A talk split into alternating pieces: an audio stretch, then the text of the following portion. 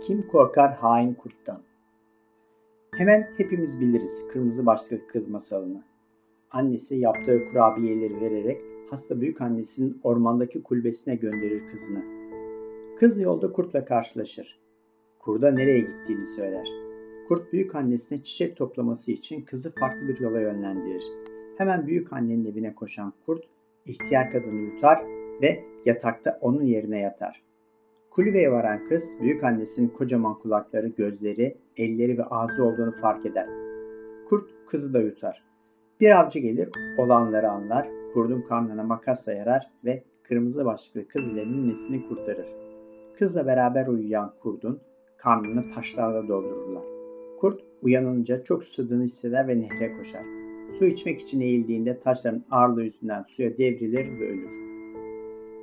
Kuzey İngiltere'de bulunan Durham Üniversitesi'nde insan bilimci olarak çalışan Doktor Jamie Tehrani, kırmızı başlıklı kızın dünyanın çeşitli bölgelerinde söylenen 35 farklı versiyonu olduğunu söylüyor. Ona göre hikaye Doğu Asya'da doğup batıya yayılmış. Aralarında bazı farklılıklar olsa da temelde kurgu aynı.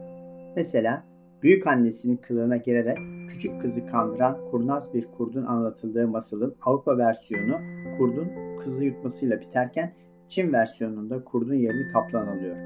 İran'da ise küçük kızın tek başına dışarılarda dolaşması pek mümkün olmadığından kızın yerini küçük bir erkek alıyor. Bütün bu masalların yıllar içinde canlı bir organizma gibi değiştiğini söyleyen Tehrani, bunun nedeninin de masalların yıllar sonra yazıya geçirilmesine ya da bunların eksik hatırlanmasına ya da değişen nesille birlikte yeniden yaratılmasına bağlıyor. Jamie Tehrani bu masalların nasıl yayıldığını ve nasıl değiştiğini incelemenin de insan psikolojisi hakkında önemli bir takım ipuçları verdiğinde sözlerini ekliyor. Bu masalın ünlenmesini sağlayan Fransız yazar Charles Perrault'un versiyonu da Belçika kökenli. 11. yüzyıla dayanan bir hikayeye dayanıyor.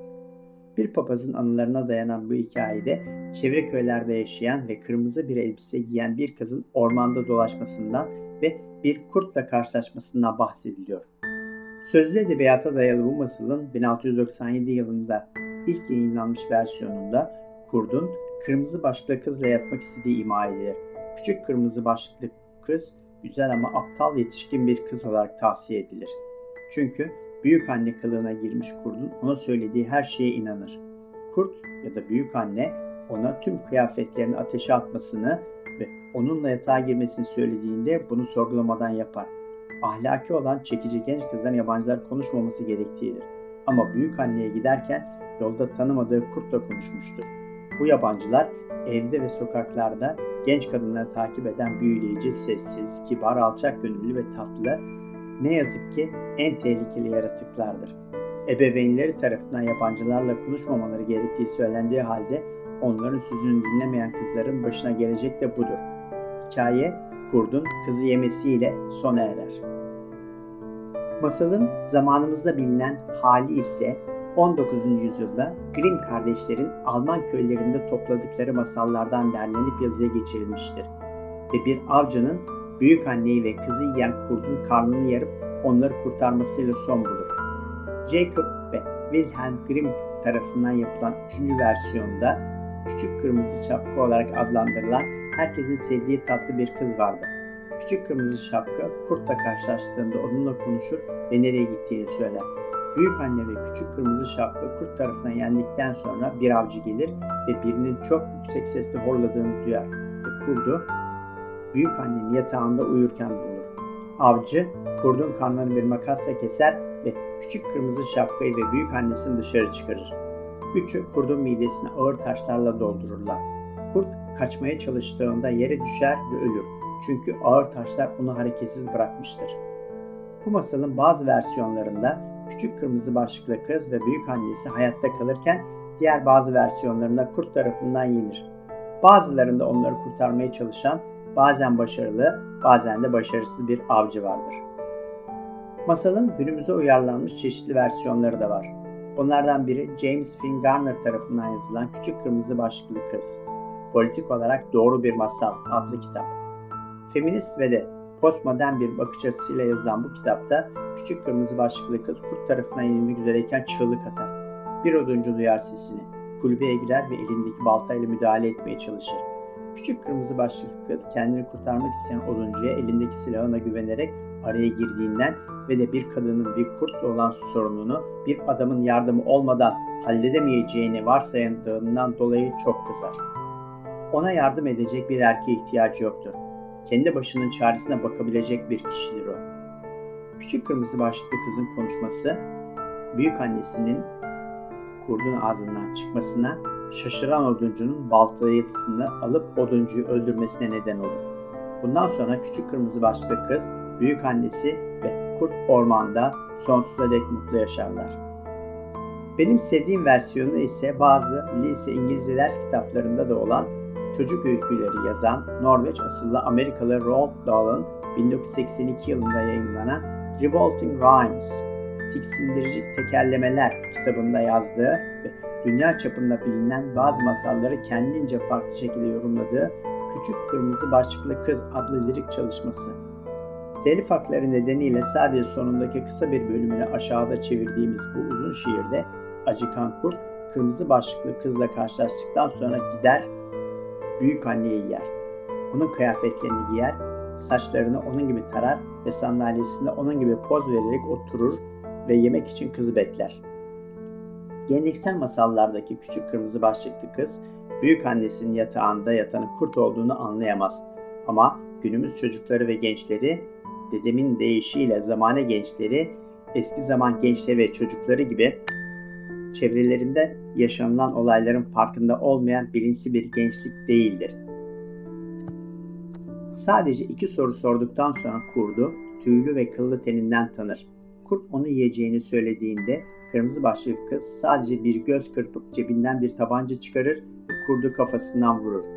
Bu hikayede Dal sadece küçük kızı kurtarmakla kalmaz. Kurdu da küçük kızı öldürtür. Kürkünden de manto yaptırır. Şiirin sonunda da kızı kırmızı başlığı ve pelerini yerine öldürdüğü kurdun kürkünden bir manto giymiş olarak gösterir. Yazar geleneksel masalda yaptığı değişikliklerle küçük kıza bir tabanca vermiş ve onu ancak usta bir nişancı yapabileceği gibi derisine zarar vermeden başına tam bir isabetle öldürterek masalı modernize etmiştir. Geleneksel masalda işlenen tema yasaklanmış bir şeyi yapmanın cezasıdır. Bize yalnız başımıza sokaklarda dolaşmanın zararları ve tanımadığımız kişilere yaklaşmamak gerektiği konusunda öğütler verir. Dolayısıyla her masalda olduğu gibi biraz kısıtlayıcı ve çocukları toplum kurallarına uydurmaya yönelik mesajları vardır. Ormanda oyalanması yasaklanan kız bu yasağa uymadığı için cezaya uğrar. Çocukların tanımadıkları kişilerle konuşmaması gerektiği şeklinde bir ders verilir. Masallarda kurt gibi canavarlar tamamen sembolik ve metaforik anlamda kullanılmaktadır. Bu masalda da dinleyicilere, özellikle de çocuklara ve gençlere insanların her zaman göründükleri gibi olmadıkları ve bu yüzden herkese kanmamaları gibi önemli bir hayat dersi verilmeye çalışılmaktadır.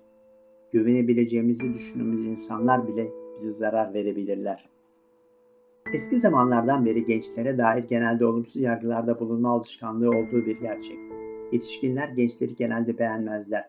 Eksik olduklarını, giderek bozulduklarını söylerler yeni nesillerin. Plato bile eserlerinde gençlerin sorumsuzluğundan dolayı geleceğin umut vermediğinden bahseder. Bunun en önemli nedeni yetişkinlerin gençliğin dinamizminden, enerjisinden ve özgürlük anlayışlarından kopmalarının ve zamanın değişimine ayak uyduramamalarından ileri geliyor. Gençlerimizin yaşadığımız çağın koşullarına uygun bir şekilde donanımlı bir hale gelmekte olduğunu, günümüzün ihtiyaç duyulan araçları donanımına, teknolojisine ve onları kullanma bilgisine iletişim yeteneğine ve sorun çözme kapasitesine büyüklerden daha fazla sahip olduğunu düşünüyorum. Bu noktaya gelmelerinde Kırmızı Başlıklı Kız gibi masalların da çok büyük bir etkisi vardır mutlaka.